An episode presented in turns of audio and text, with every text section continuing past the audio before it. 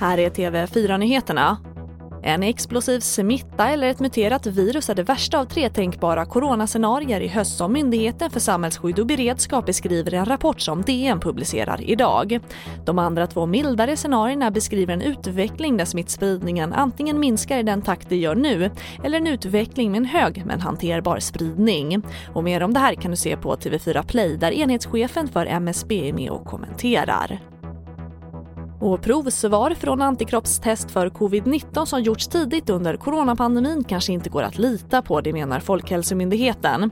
Myndigheten presenterade i veckan en vägledning för hur antikroppstest bör genomföras och uppmanar nu personer som tidigare gjort ett snabbtest för antikroppar att ta reda på om testet följer rekommendationerna.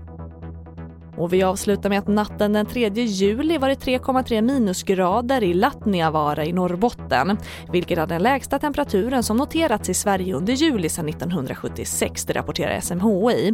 Och det är den senaste tidens svala luft norrifrån som nu gett Sverige ett nytt köldrekord i juli månad.